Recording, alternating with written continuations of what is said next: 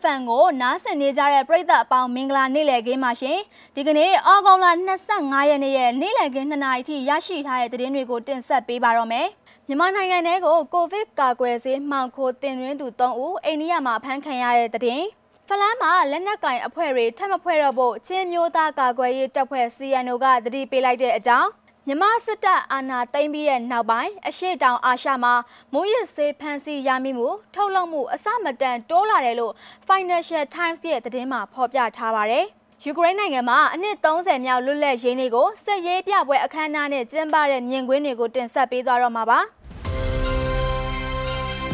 မြန်မာနိုင်ငံထဲကိုကိုဗစ်ကာကွယ်ဆေးပလင်းတွေအပါအဝင်တခြားဆေးဝါးတွေကိုမှောင်ခိုတင်သွင်းမှုကြိုးပမ်းခဲ့တဲ့လူ၃ယောက်ကိုအိန္ဒိယမှာမဏိပူရဲတပ်ဖွဲ့ကဖမ်းဆီးထိန်းသိမ်းခဲ့ပါတယ်။သူတို့ကိုအောက်တိုဘာ28ရက်နေ့ထိရဲချုံနဲ့ထိန်းသိမ်းထားဖို့အတွက်ပြည်တွင်းတရားရုံးတစ်ခုကနေပို့ဆောင်ခဲ့ရလို့မဏိပူရဲတပ်ဖွဲ့ကပြောခဲ့ပါတယ်။ မြန်မာနိုင်ငံကိုကိုဗစ်ကာကွယ်ဆေးတွေမှောင်ခိုတင်သွင်းဖို့ကြိုးပမ်းမှုနဲ့ဆွဆွဲခံထားရသူ၃ယောက်မှာမဏိပူပြည်နယ်ရဲ့မြို့တော်အင်ဖာမှာနေထိုင်ကြတဲ့မိုဟာမက်ဖာရုစ်ခန်နဲ့အီမရန်ခန်တို့ဖြစ်ပြီးတော့နောက်တစ်ယောက်ကတော့ဘီဟာနယ်ကရှက်ဟမ်တို့ဖြစ်တယ်လို့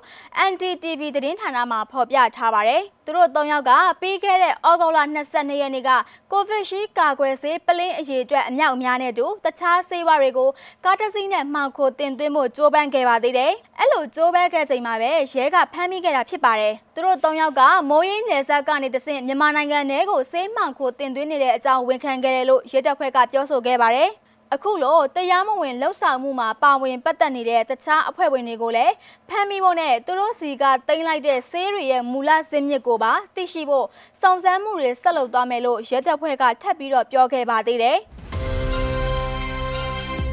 ချင်းပြည်နယ်ဖလန်းမှာလက်နက်ကင်အဖွဲ့တွေထပ်မဖွဲ့တော့ဖို့ချင်းမျိုးသားကာကွယ်ရေးတပ်ဖွဲ့ CNO ကမနေ့ကတတိပေးလိုက်ပါတယ်။ ဖလန်းမှာပြည်သူအချင်းချင်းနားလည်မှုလွဲမှားပြီးတော့စီးလုံးမှုပြက်ပြားတာတွေစိတ်ဝမ်းကွဲစေနိုင်တာတွေကိုရှောင်ရှားဖို့ဖလန်းမှာ CNDF ကလွဲလို့တခြားဘယ်ဖွဲ့မှထပ်မဖွဲ့တော့ဖို့အထူးသတိပေးကြောင်းကို CNDF ရဲ့ထုတ်ပြန်ချက်မှာဖော်ပြထားတာပါချင်းမျိုးသားအဖွဲ့ချုပ်ချင်းမျိုးသားကာကွယ်ရေးတပ်ဖွဲ့ CNO CNDF ကဘယ်အဖွဲ့အစည်းဘယ်တအုပ်တယောက်ရဲ့လွှမ်းမိုးမှုများမရှိတဲ့တော်လှန်ရေးအဖွဲ့အစည်းဖြစ်တယ်လို့ဆိုပါတယ် ဒါအပြင်သူတို့အဖွဲ့အနေနဲ့ဖလန်းမြို့နယ်နဲ့ချင်းပြည်နယ်ပြင်ပမှာရောက်နေတဲ့ဖလန်းပြည်သူအားလုံးနဲ့ချင်းလူမျိုးတွေကြားမှာသွေးစည်းညီညွတ်မှုကိုအထူးလေးထားတဲ့အဖွဲ့လည်းဖြစ်တယ်လို့ဆိုပါတယ်။လက်တလုံးမှာတော့ချင်းပြည်နယ်မှာချင်းမျိုးသားအဖွဲ့ချုပ်ချင်းမျိုးသားကာကွယ်ရေးတပ်ဖွဲ့ CNO CNDF အပြင် CDF မင်းတပ်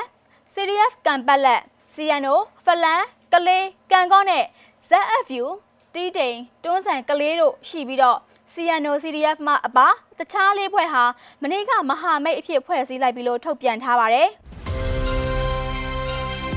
မြန်မာနိုင်ငံမှာစစ်တပ်အာဏာသိမ်းပြီးတဲ့နောက်ပိုင်းအရှိတောင်အာရှဒေသမှာမူရစ်စေဝါဖမ်းဆီးရမိမှုနဲ့မူရစ်စေဝါထုတ်လုပ်မှုတွေတိုးတက်လာတယ်လို့စောင့်ကြည့်လေ့လာရေးအဖွဲ့တွေကိုကိုးကားပြီးတော့ Financial Times ရဲ့သတင်းမှာဖော်ပြထားပါတယ်။ မူရစ်စေဝါတွေဟာအာဏာသိမ်းထားတဲ့မြန်မာနိုင်ငံကနေအဓိကလာတာဖြစ်ပြီးတော့ထိုင်းနိုင်ငံကနေတစိအရှိတောင်အာရှကိုရောက်ရှိလာတာလို့လည်းသိရပါတယ်ရှင်။မြန်မာနိုင်ငံအတွင်းကမူရစ်စေဝါတွေကိုတော့တရုတ်တောင်ပိုင်းမြန်မာနိုင်ငံလာအိုနဲ့ထိုင်းနိုင်ငံတို့စုံရရွှေတရိကန်ဒေသကနေအဓိကလာတာဖြစ်ပါတယ်။ရွှေတရိကန်ဒေသကရှမ်းပြည်နယ်နနမိတ်ထဲမှာတည်ရှိတာလည်းဖြစ်ပါတယ်။ ကုလသမဂ္ဂမူရစ်စေဝါအေဂျင်စီဖြစ်တဲ့ UNODC ရဲ့အရှိတောင်အာရှဌာနေကိုယ်စားလှယ် Jeremy Douglas ကဖမ်းဆီးရမိမှုတွေကမေလနဲ့ဇွန်လထဲမှာတက်လာတာဒါကမြန်မာနိုင်ငံထဲမှာအများအပြားဖမ်းဆီးရမိတယ်ဆိုတဲ့သတင်းတွေစတင်ရရှိတဲ့အချိန်နဲ့တိုက်ဆိုင်နေရလို့ပြောပါတယ်။မူရစ်စေဝါနဲ့ပလီပခသုံးတက်လေ့လာသူတွေရဲရရှိတွေ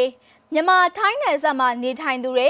မူရစ်စေးသုံးဆွဲသူတွေကိုကုသပေးနေသူတွေနဲ့တွေ့ဆုံမေးမြန်းချက်တွေအရတော့မြန်မာနိုင်ငံအတွင်းနဲ့အပြင်ကိုမူရစ်စေဝါကုန်ကူးမှုဟာ2021ခုနှစ်မှာမြင့်တက်လာတယ်လို့ဆိုပါတယ်စစ်တပ်ကအာဏာသိမ်းပြီးဖေဖော်ဝါရီလတရက်နေ့နောက်ပိုင်းမှာတော့ဒီမူရစ်စေးလုပ်ငန်းဟာကြီးမားတဲ့လုပ်ငန်းတစ်ခုဖြစ်လာခဲ့လို့ဆိုပါသေးတယ်စစ်တပ်ကအာဏာသိမ်းပြီးလူမှုဆန္ဒပြပွဲတွေကိုရဲတွေကအာရုံစိုက်နေတဲ့အချိန်မှာမြန်မာနိုင်ငံထဲမှာမူရစ်စေဝါနှိမ်နင်းရေးလုပ်ငန်းတွေလျော့သွားတယ်လို့လည်းသိရပါတယ်။ဒါဟာမူရစ်စေးကုန်ကူးသူတွေကိုစိတ်ကြိုက်လုတ်ပိုင်ခွင့်ပေးလိုက်တယ်လို့လည်းဖြစ်နေပါတယ်။ ရှမ်းပြည်နယ်ထဲမှာမူရစ်စေဝါကုန်ကူးမှုကိုသူတေသနာလုပ်နေတဲ့ ICG အဖွဲ့ရဲ့မြန်မာနိုင်ငံဆိုင်ရာအကြံပေးဖြစ်သူ Richard Horsey ကတော့စစ်တပ်အာဏာသိမ်းတာကနိုင်ငံစုံမူရစ်စေဝါဂိုင်းကြီးတွေအတွက်အခြေအနေကောင်းတစ်ခုဖန်တီးပေးလိုက်တယ်လို့ဖြစ်သွားတယ်လို့လည်းမှတ်ချက်ပြုထားပါသေးတယ်။မကွေးတိုင်းဒေသကြီးတောင်တွင်းကြီးမြို့နယ်တွေကကလမကျေးရွာမှာနေတဲ့ကြန့်ခိုင်ရေးပါတီဝင်ဦးဖုံမြတ်မင်းကို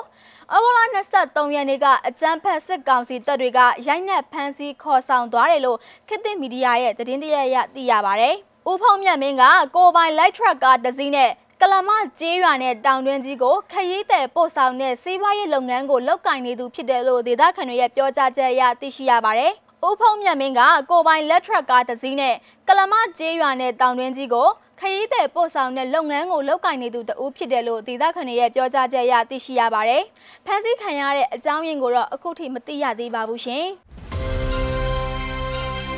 ဆက်လက်ပြီးတော့ယူကရိန်းနိုင်ငံမှာအနှစ်30မြောက်လွတ်လပ်ရေးနေ့ကိုစစ်ရေးပြပွဲအခမ်းအနားတွေနဲ့ကျင်းပနေတဲ့မြင်ကွင်းကိုလည်းဆက်လက်ရှုစားရအောင်ပါရှင်။ виконувач обов'язків начальника інституту, капітан першого рангу Максим.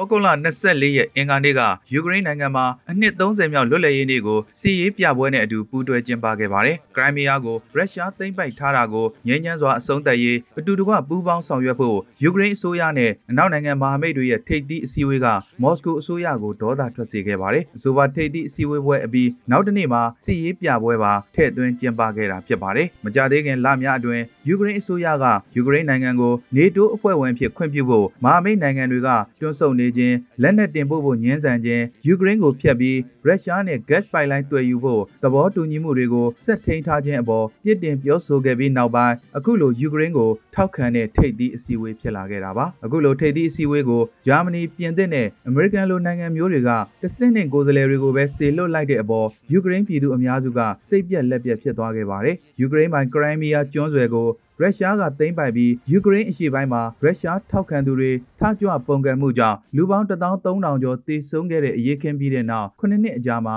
အခုလိုထိပ်သီးအစည်းအဝေးပွဲပေါ်ပေါက်လာခဲ့တာဖြစ်ပါတယ်။